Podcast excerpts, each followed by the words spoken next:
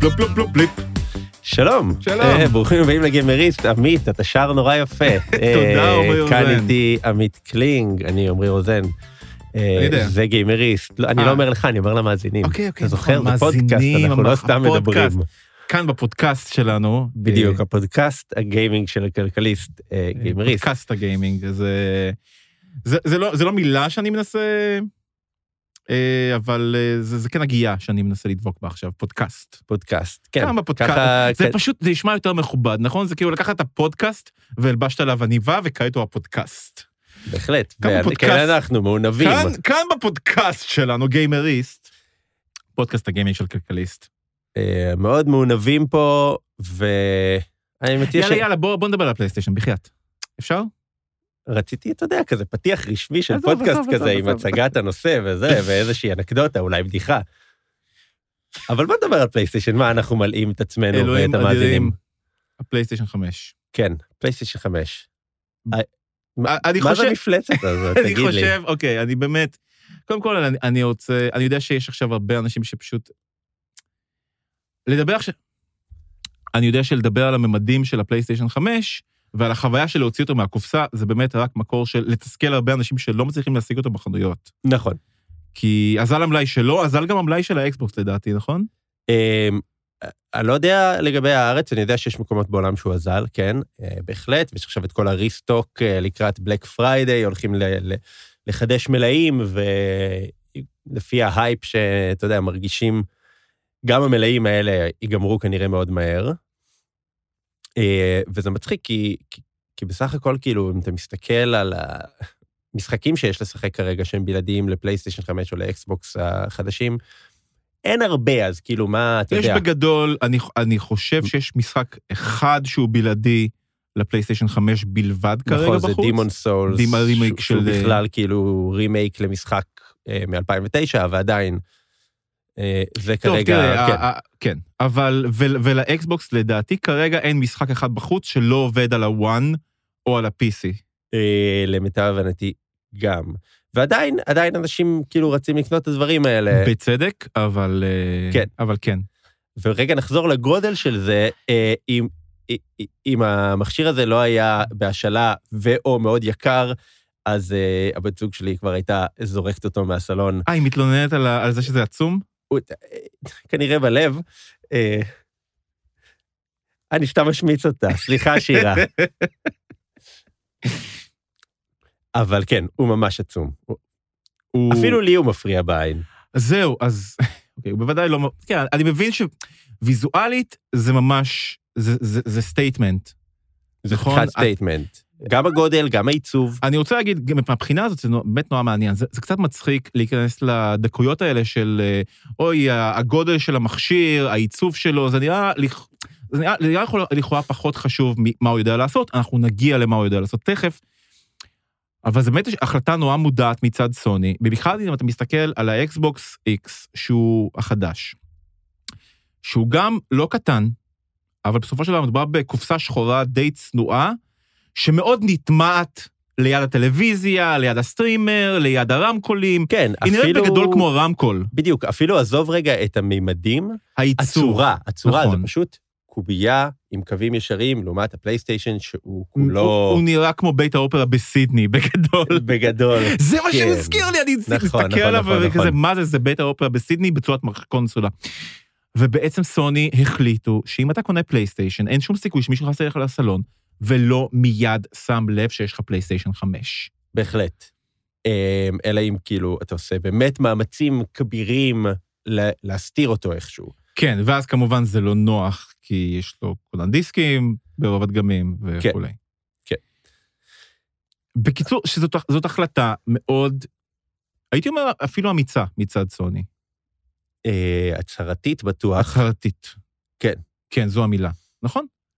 שמה כאילו, אוקיי, מה, מה הסאבטקסט, מה המסר היותר עמוק פה של ההצהרה הזאת? המסר היותר עמוק פה, הייתי אומר, שהוא גם באמת מתחבר להרבה מהאסטרטגיה של סוני שאנחנו דיברנו עליה כאן כבר, הוא ההפך מקאז'ואל, בעיניי. אוקיי, כלומר, דיברנו על זה שהקונסולה של מייקרוסופט, במיוחד בדגמי ה-S שלה, אה, והדגש של ה Game Pass, כן.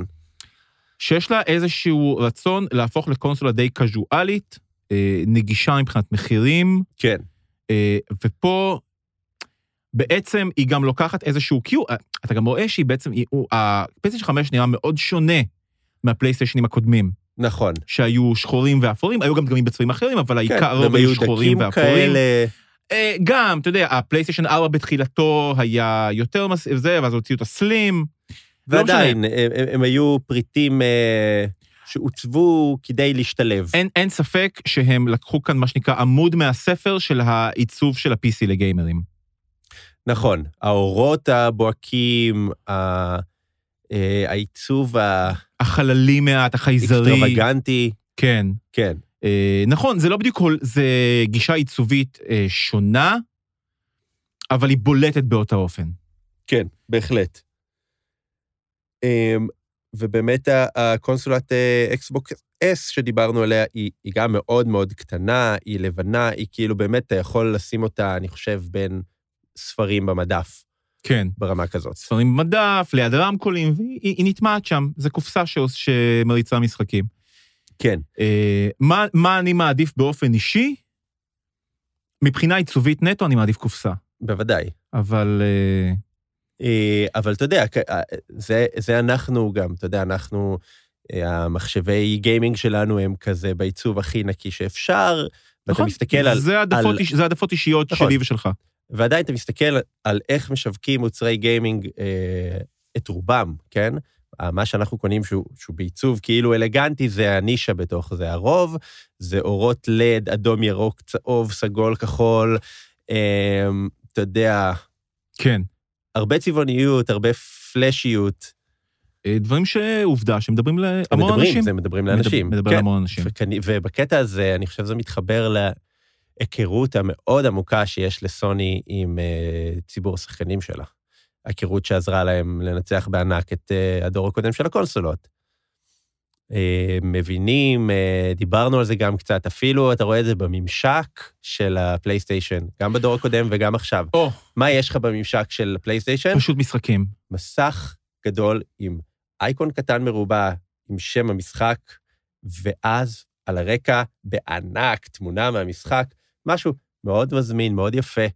לעומת... ופה פה אני גם רוצה להגיד שבאמת פה סוני לוקחת בנוקאוט את האקסבוקס, שהממשק שלה הוא בגדול לא נוח. כן.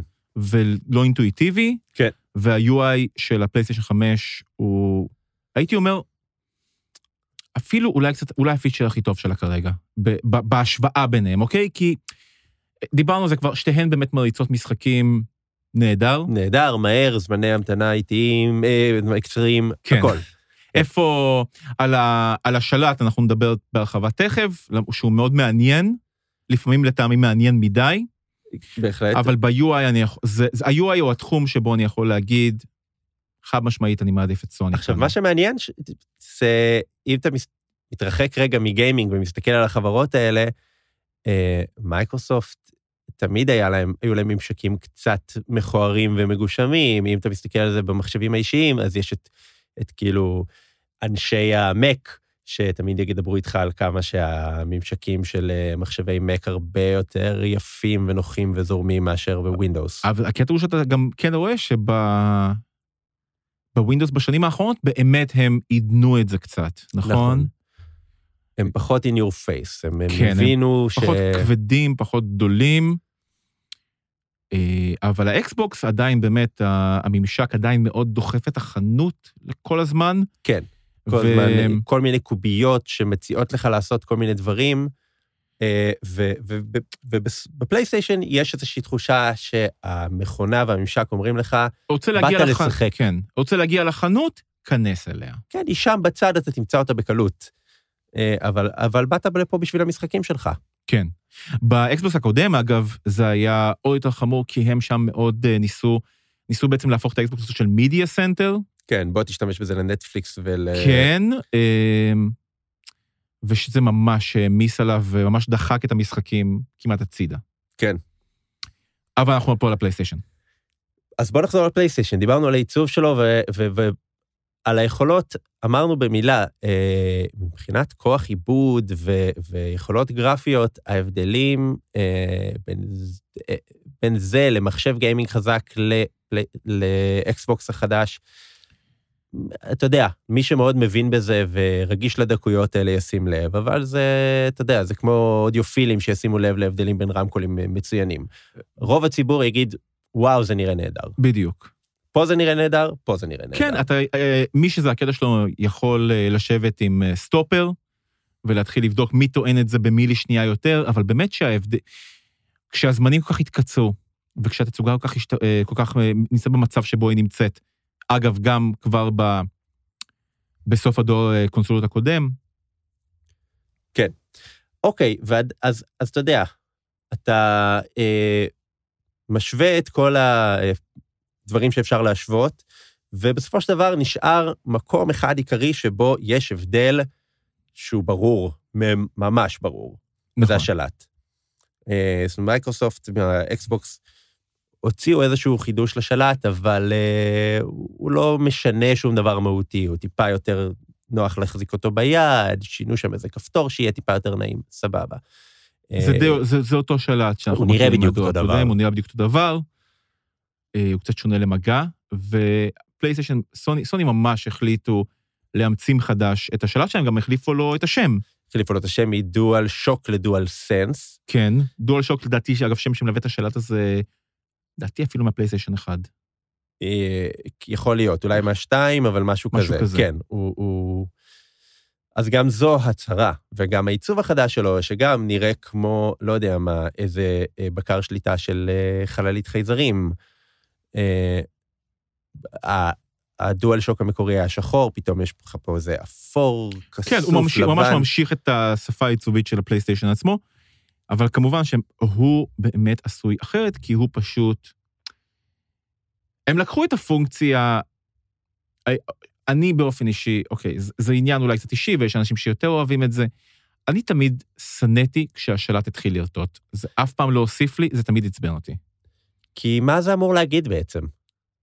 אני לא יודע. באמת, כאילו, אוקיי, אני משחק משחק יריות, זרקו עליי רימון, הוא התפוצץ לידי, השלט רוטט, כאילו... כן, זה, זה מין הפתרונות אימרסיביות האלה של ה-IMAX עם הכיסא הרוטט. אני באופן אישי לא צריך שינשפו עליי ממאוורר, ואני לא צריך שיפזרו עשן באולם קולנוע, ואני לא צריך שהכיסא שלי ירעד, ואני גם לא צריך שהשלט שלי ירטוט. ועדיין, כאילו בשלט החדש לקחו את הדבר הזה, את הרטט, שתמיד היה קצת גס וכללי, והפכו אותו למשהו מאוד מאוד עדין ומדויק, אתה יכול להרגיש רטט בנקודה מאוד ספציפית בשלט, אתה יכול להרגיש את הרטט נע מימין לשמאל לאורך השלט. אתה יכול להרגיש אותו בנקודות קטנות כזה, אתה יכול לעשות לי טובה? כן. אתה יכול בבקשה לתאר את זה בצורה קצת פחות חושנית? זה לא נעים לי. אז כן, אני, אני אתן לך דוגמה, מה okay. אני אוקיי. אתן לך? אתה גם שיחקת בזה, אבל יש משחק שמגיע עם הפלייסטיישן, נקרא אסטרוס פליירום, משחק אה, פלטפורמות מאוד פשוט, אה, שכל המטרה שלו היא להראות לך אה, מה אפשר לעשות עם השלט הזה. זה מאוד במוצהר גם, כן? הדבר הזה הוא שואו קייס ליכולות של השלט, אז אתה שולט באיזה רובוט קטן, מסתובב איתו בכל מיני שלבים, ואז למשל ברטט, לדוגמה, אתה צועד באיזשהו שלב לתוך סופת חול, אז גם יש מיקרופון בשלט שכזה עושה לך קולות של רוח, ואתה מרגיש המון כמו סיכות קטנות על, ה, על השלט במין אני לא יודע אפילו אם אפשר לקרוא לזה רטט, אבל זה מין מיקרו-רטטים. כן. זה לא רוטט, השלטים הקודמים, אגב, גם באקסבוקס, השלטים הקודמים באמת רטטו כמו טלפון ששמו כן. על הרטט, אה, מין בז'ז' כזה. ועכשיו באמת יש משהו נורא מדויק, אה, וגם השימוש במיקרופון נהיה יחסית יותר משוכלל, נגיד, אני שיחקתי בשבוע שעבר, את הספיידרמן החדש, את מיילס מוראלס, ושם הם עשו קטע שכשאתה בעצם זז בעיר ויורה את הקורא הקווי שלך בשביל לקפץ בין בניינים, כן. אתה שומע את הצליל של הירייה של הקוראים מהשלט, זאת אומרת, באמת בין הידיים שלך, ואת הצליל שלהם נדבקים אתה כבר מקבל מהרמקולים, וזה יצר איזשהו סאונד uh, תלת-ממדי. כן. זה מאוד עדין, זאת אומרת, הייתי, שמתי לב לזה באמת די באיזה אמצע המשחק, ממש, והייתי קצת צריך ממש לקרב את השלט לאוזן בשביל לוודא. כן, אגב, סאונד תלת-מימדי זה גם אחד מה, אחת הנקודות השיווקיות של סוני בלבדל את הפלייסטיישן, זה מה שהם קוראים לו 3D אודיו. כן. אמ, וגם זה אמור כאילו, יחד עם השלט, לתת לך איזושהי חוויה חושית מלאה וסוחפת יותר של משחקים. הכל, הכל פיצ'רים באמת שנגיד בפלייסטיישן 4, אני די לא נהניתי מהם. נגיד, היו, אני כרגע לא זוכר בבית, באיזה משחק היו כמה כאלה שלמשל, היית, היה לך נגיד איזה משהו כמו איזה ווקי טוקי, וכשהיית מקשיב לו, אז זה היה יוצא משום מה מהרמקול של השלט. כן. אני באופן אישי לא נהנה מזה, תנו לי הכל מהרמקולים הטובים שמחוברים בדיוק, לטלוויזיה. זה, זה בדיוק אה, זה, שאחת הסיבות שאני לא נהנה מזה, זה שהרמקולים שדוחפים לתוך שלט קטן שאתה מחזיק בידיים, הם לא טובים. נכון. הרמקול פה הוא יותר טוב, ועדיין אני, אני רוצה בכלל אה, לדבר איתך שנייה על כל העניין הזה של בואו נמציא מחדש את השלט. כן. העניין הזה של בואו נמציא מחדש את השלט זה משהו שראינו נעשה בצורה יותר, אה, יותר מהפכנית, או היו ניסיונות לעשות את זה יותר מהפכני. נינטנדו עשו את זה עם הווי, כן, אה, אה, מייקרוסופט ניסו לעשות את זה עם הקינקט, כן. כולנו יודעים איך זה נגמר, לא אבל, טוב. אבל בוא רגע, כן נגיד מה, מה זה, כן? מיד. ועכשיו סוני מנסים לעשות גם שינוי באופן שבו אנחנו שולטים במשחק, בצורה הרבה יותר עדינה. הם כן. מסכנים הרבה, הרבה פחות. ו- ועדיין הם, הם הולכים באותו, אה, אתה יודע, באותו נתיב, הם שוב מנסים לכבוש את רוסיה. כן, אה, בדיוק. הם עדיין אומרים, האופן שבו התרגלנו לשלוט במשחקים יכול להיות יותר טוב, ואני לא אומר שהוא, אני לא אומר שזה ב- בלתי אפשרי, אני רק אומר שאני כן חושב שיש סיבה שה-controller מלווה אותנו בצורה כזו או אחרת מאז האטארי, כמעט. מאז, כן. בטח, בטח מאז הנינטנדו. מאז הנינטנדו, זה בעיקר נינטנדו שחידשו והביאו את ה... את ה אתה יודע, את הבסיס של מה שיש לנו היום. כן, את שאגב, הגיימפד שם הזה. הם באמת המציאו את השלט מחדש, וזה קטע, אבל uh, מאז הדבר הזה עבר כל מיני איטרציות ושיפורים, ונוספו עוד כפתורים, ו- ופעם היה לך רק ארבע ח- חצי כיוונים, היום יש לך מין סטיק אנלוגי שיש לו, יכול לזוז ב... יש לא לך יודע. שניים. כן, יש לך שניים, זאת אומרת, זה, זה כן השתכלל, אבל הבסיס הזה, של הצורה הזאת של השלט, אתה רואה, איתנו המון הנקודה שנים. היא שאתה מראה היום ל, ל, לילד בן עשר שגדל עם פלייסטיישן או עם אקסבוקס, אתה מראה לו אה, gamepad של אה, נינטנדו, כן, של ידע מה הנינטנדו זה. המקורי, בוודאי. הוא ישר ידע מה זה והוא גם. ידע לשלוט בזה. לגמרי, בלי למצמץ. אגב, כ- באותו, אתה יודע, השלטים האלה היו הרבה יותר פשוטים, ואני חושב שתראה אותם כמעט לכל אחד והוא ידע איך להשתמש בהם יחסית בקלות, בהשוואה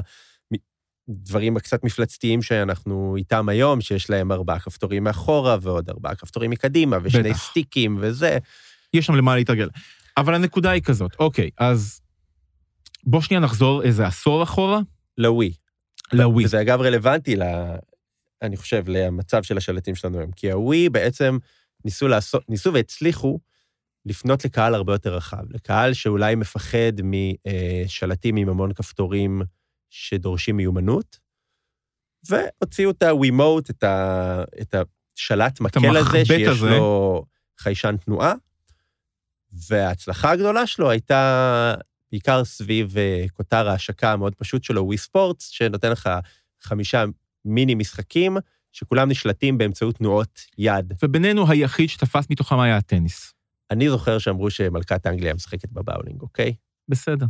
אתה לא יכול להתווכח עם אצולה. אני, אני ממש מאוכזב שהיא לא שיחקה בקריקט. אוקיי, אבל הבעיה הייתה, נכון, בשלט של הווי, שכולנו ראינו אותו, לכולנו זה נראה נורא מגניב, זה גם היה כל כך חדשני, וזה נראה כמו הדבר הבא. והנה אנחנו, אה, עשור לאחר מכן, נינטנדו זנחו אותו. כן. אה, יש אותו קצת... עזוב אה, אבל זנחו, כי באמת עברו קונסולות. בוא נדבר רגע, כן. לא על עשור, אה, בוא אחר כך, בוא, בוא נדבר בזמן אמת, כן? כל מי שמשחק פעם ראשונה בווי ספורטס, בטניס, עף על זה, וזה יכול להיות, אתה יודע, זה יכולים להיות ההורים שלנו ומלכת אנגליה וילד קטן. זה, אין, אין שם בכלל מחשבה על איך אני מפעיל את הדבר הזה. אני בסך הכל מניף את היד כאילו אני מחזיק מחבט טניס. ואתה משחק בזה פעם ראשונה ואתה אומר, יואו, מדהים. זה מה שזה האפשרו- היה אמור להיות כל הזמן הזה. האפשרויות הן אינסופיות. ואז הן מתגלות כמאוד סופיות. מאוד מאוד סופיות. כי אתה מסתכל על משחקים לאורך השנים, של, לאורך חיי הווי, אה, ואלה ששילבו, אלה שלקחו כאילו ז'אנרים אה, קלאסיים ומבוססים, ואפילו סדרות קלאסיות ומבוססות כמו מריו, כמו זלדה, שזה הלחם והחמאה של נינטנדו, והכניסו ללב של המשחק איזושהי מכניקה של לנופף את היד, התוצאה הייתה מעייפת, מתסכלת, מיותרת. תן לשחק מריו בלי להניף את היד שהיא עכשיו כל שתי שניות כמו אידיוט. כן, עכשיו, לי לא היה ווי, אז, ולך כן, אז אני אשאל אותך, נגיד, אני כבר לא זוכר, אני מניח שהייתה שם אופציה לקחת את זה ולהפוך אותו לשלט רגיל, פשוט לא נוח, נכון? כן, היה, אבל היו משחקים שממש הכניסו את זה לתוך הליבה שלהם, בלי אפשרות אה, לבטל או לעבור לאיזשהו מצב משחק יותר קלאסי, וזה הפך לחוויה פשוט אה, מעיקה. ו, וזה מתחבר למה שאמרת קודם על השלט של הפלייסטיישן, כי החדש, אתה מסתכל עליו, אתה מפרק אותו רק לכפתורים, זה אותו דבר כמו השלט הקודם. ממש אותו דבר. ואפילו יש כפתור על השלט שמכבה את כל הפיצ'רים המיוחדים האלה, הוא מפסיק לדבר אליך, והרטט מפסיק, וגם, ה, לא דיברנו על זה, יש מה שמכנים טריגרים אדפטיביים, זה שני הכפתורים באחורה של השלט, שכאילו מתנגדים, עושים איזושהי קונטרה לאצבעות שלך בהתאם לפעולה שאתה עושה. נגיד, אתה יורה במכונת ירייה, אז הם כל הזמן קצת קופצים לך מתחת לאצבע. כן. בינתיים בכותרי השקה, אבל לא היה להם שימוש מאוד דרמטי ממה שאני ראיתי. היה, שוב, יש את אה, מה שדיברנו עליו, אסטרו, שכל המטרה שלו היא להמחיש מה עושים עם השלט הזה, אז יש רגע שהרובוט הקטן הזה נכנס לחליפה, שנותנת לו קפיץ, אה, בסיס של קפיץ, ואז אתה לוחץ על, ה, על הטריגר האדפטיבי, על הכפתור הזה, ואתה מרגיש שהוא מתנגד אליך כמו קפיץ, וכמה שאתה לוחץ אותו יותר חזק פנימה, הדמות תקפוץ יותר גבוה. ואתה עושה את זה פעם ראשונה, ואתה אומר, יואו, איזה אדיר, איזה גאונים, איזה מגניב, איזה כיף.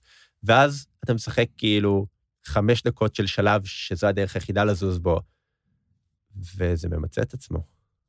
כן. וזה מעייף, וזה מעצבן. ואתה רוצה את הטריגר שלך שפשוט לחצת והוא עושה את הפעולה. עכשיו, תשמע, בדברים האלה, אני חושב שכמו שהווי גורלו לא בהכרח נחרץ בשלט, אלא הוא נפל על זה שמפתחים לא, לא הצליחו או לא השכילו או לא רצו לעשות שימושים. זה כמעט נכון מה שאתה אומר, כי הווי לא נפל.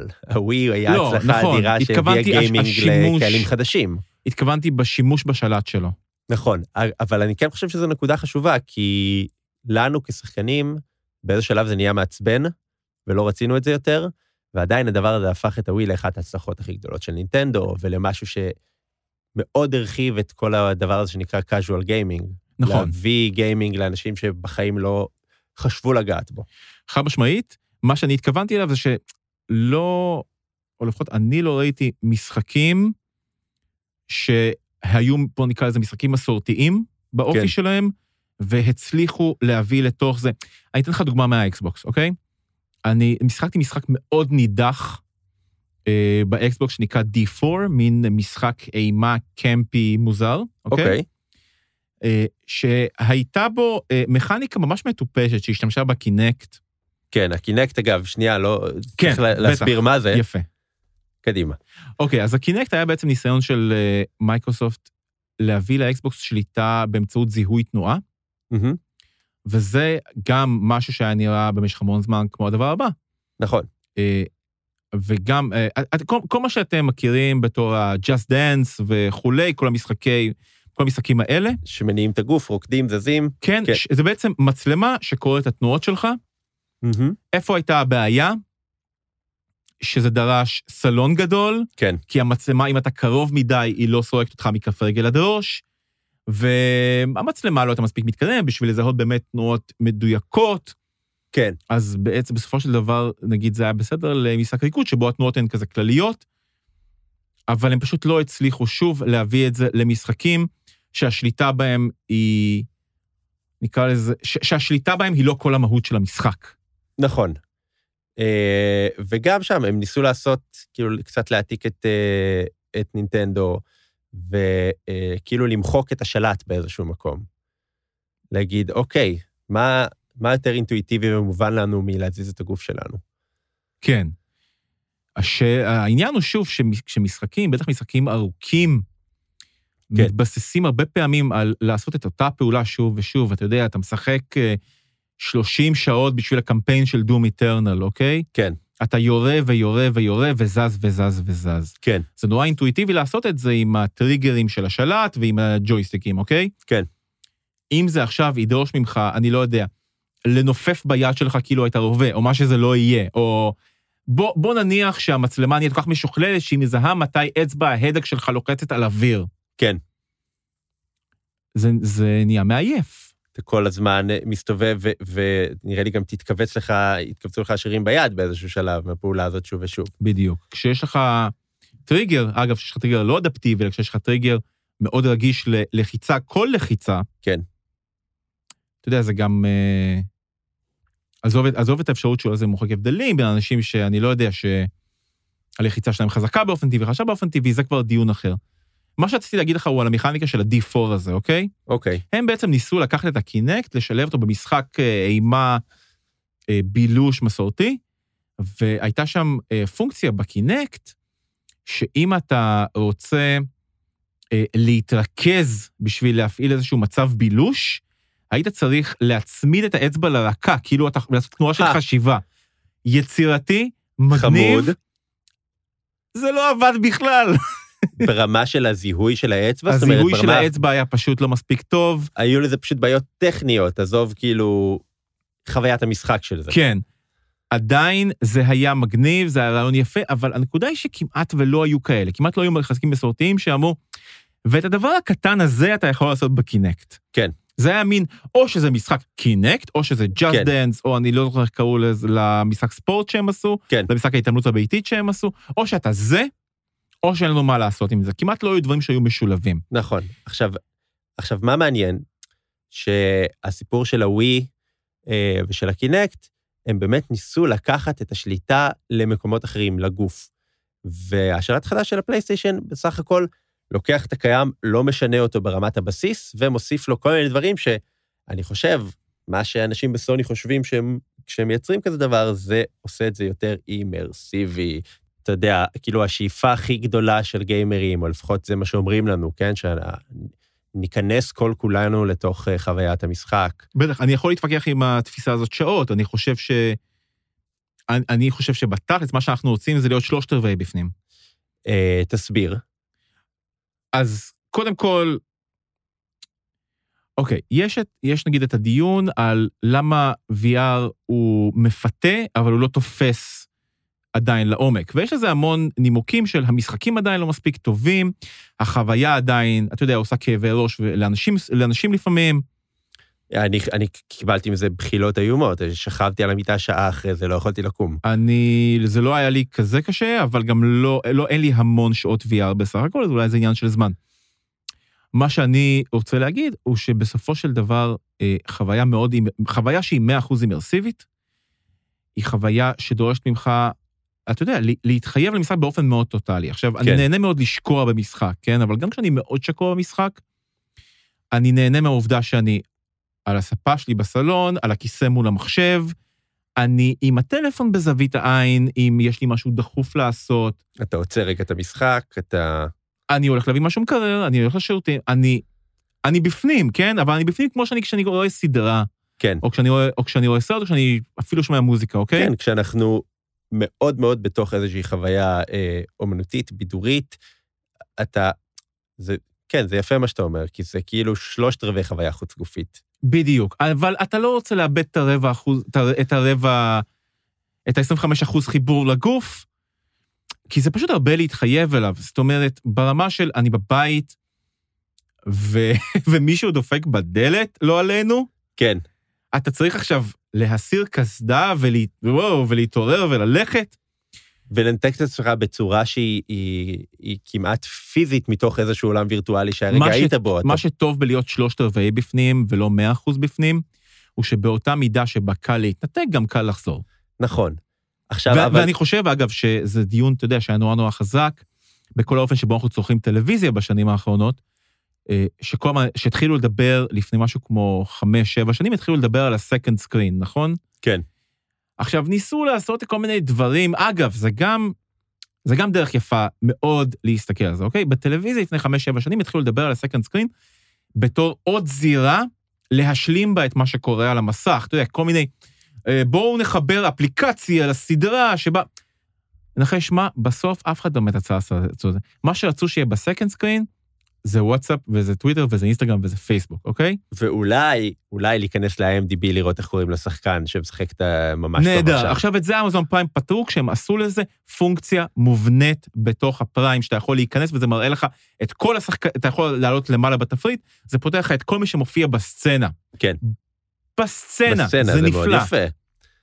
אוקיי, אבל איך כל הדבר הזה מתחבר לפלייסטיישן? כל הדיבור על VR מה שאני רוצה להגיד והמסך רק, השני. זה שהם מבין, מה- שהיה צריך להבין זה שהסקנד סקרין הוא לא שם בשביל להכניס את תשומת לב שלך ל-100%, היא דווקא כי אתה רוצה את ה-25% בחוץ. כן.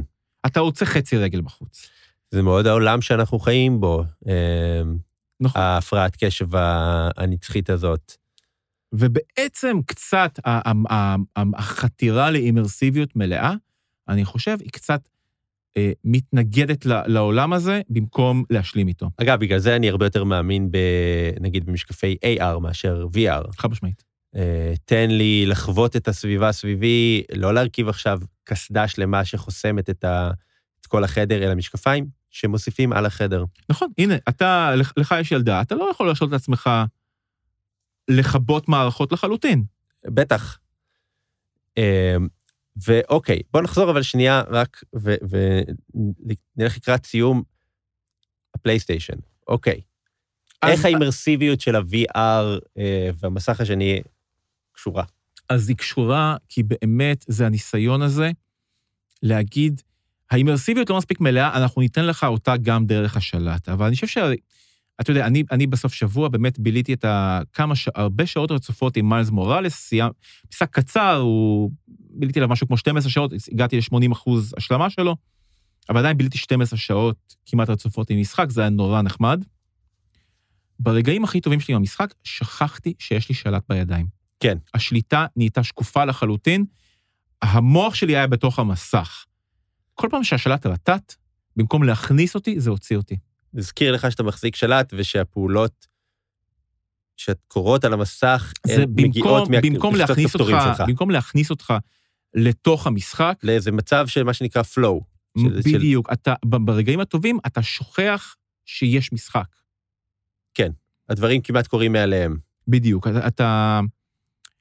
כמו, אתה יודע, מתי, מתי אה, משחק מתחיל לזרום לך, נכון? כשאתה מש, משתלט עליו ואתה כבר יודע איך להניע, להניע אותו, שליטה שלך בדמות היא, היא טבעית לגמרי, והיא שקופה.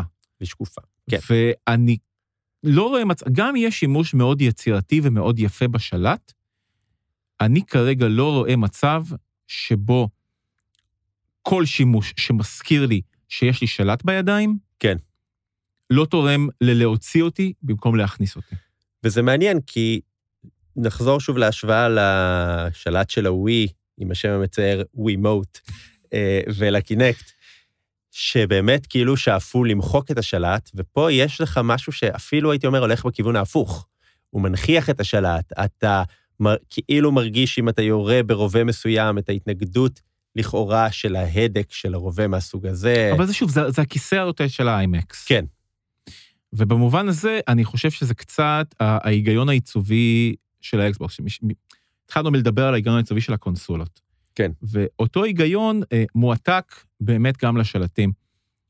השלט פלסטיק ה- של האקסבוקס הוא, הוא שקוף. זה אותו שלט. זה פחות מגניב, אבל בשבילי זה יותר טוב. כן. גם, אתה יודע, באותו אופן שבו אני אוהב את זה שהאקסבוקס פשוט קבור אצלי על איזה מדף מתחת לטלוויזיה, ליד הרמקולים, והוא לא קופץ לי לא לעין שם. כל פעם. אני לא, אני לא צריך להיזכר ש, שהוא שם. אני יודע, אני מפעיל עליו משחקים. כן. אז אה, כן, אני, אני לא צריך את התזכורת הזו בסלון, ואני גם לא צריך את התזכורת הזו בידיים. ואני חושב שהרעיון הזה של שלט שקוף, הוא צריך לזכור שהוא מאוד שונה בשביל אנשים שונים. אה, ובעצם, באיזשהו מקום, אתה רואה אה, איפה, איפה באמת הצליחו עם זה, וזה איפה שרוב האנשים משחקים, וזה בטלפון.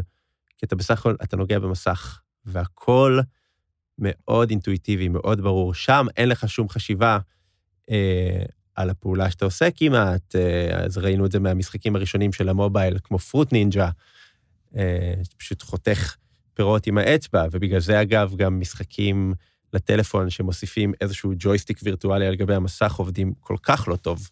וואו, זה אולי חוויית השליטה הכי פחות אהובה עליי. ממש, זה נורא, אני מסרב לשחק במשחקים כאלה, לא משנה כמה הם אה, אמורים להיות טובים. אה, אז אתה יודע, שלט שקוף למי? אה, למי שכמוני וכמוך משחקים מגיל חמש ויש להם היכרות אינטימית עם השלטים של הקונסולות, אה, כל החוויה היא די שקופה, ואז התוספת של הרטטים האלה והגימיקים, זה קצת מעצבן. נכון. אה, מצד שני, אתה חושב שלמי שפחות מורגל לשלטי קונסולות, שד... שזה יהפוך את זה לפחות, אולי זה, אולי זה יהיה ביותר מגניב, אבל כי, כי כל החוויה היא חדשה, כן. והנה עוד, עוד האופן שבו היא חדשה. ומצד שני, מי שלא מורגל לשלטי קונסולות, הוא לא קהל היעד של סוני.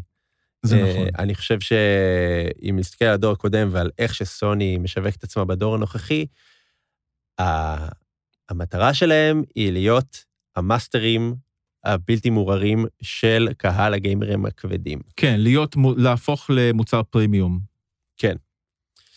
אה, אז אני לא יודע, השלט הזה יכול לקחת אותם לשם, אני לא בטוח שהם היו צריכים אותו. אני חושב שהם לא, תראה, הם לא מסכנים כלום בזה שהוא שם, אבל אני, אתה יודע, בתור משהו שהוא מאוד uh, במרכז של השיווק שלהם לקונסולה הנוכחית, אני כרגע לא רואה איך הוא נהיה Game Changer, ואני אשמח לטעות. אני גם אשמח, אשמח לראות משחק שעושה בזה שימוש כיפי, מעניין. אני אשמח עוד יותר לראות משחק שעושה בזה שימוש אגבי ונורא מגניב. שהוא לא הליבה של הדבר הזה, אבל באמת מצליח כל פעם שהשלט משתמש בפונקציות האלה, לשמח אותי. זה... אני, אני, חושב שזה, אני חושב שזה נחמד, זה, זה תמיד הגישה הזאת שלי עם, עם משחקים שכל פעם שאני סקפטי לגבי איזושהי התקדמות, אני עדיין מרגיש שאני ממש אשמח אם יוכיחו שאני לא מבין שום דבר. לגמרי, שיבוא הסטודיו היצירתי ויעשה בזה שימוש שלא הייתי יכול בכלל לדמיין. טוב, אני, אני מחכה. ה- הכדור אצלכם. טוב, רק התחלנו, זה הושק עכשיו. אה, אז זה בסדר, יש לנו דור שלם לחכות לזה. טוב, נדבר עוד שבע שנים? כן, אתה רוצה לא לדבר עד אז? כי... אני אשמח. יאללה. טוב. אוקיי. תודה. אז זה היה הפודקאסט האחרון אי פעם. אז תודה לכם שהקשבתם. Uh, תודה רבה לאופיר גל מאולפני סוף הסאונד, uh, שהקליט אותנו כל כך יפה. תודה לרועי ברגמן, עורך הדיגיטל של כלכליסט, תודה לאריק מטיאס מאתר Sound Image.org על אות הפתיחה, ותודה לאישפר, יבואנות- יבואנית סוני בישראל, על הפלייסטיישן והמשחקים. ביי. טוב, זה עוד שבע שנים, אה?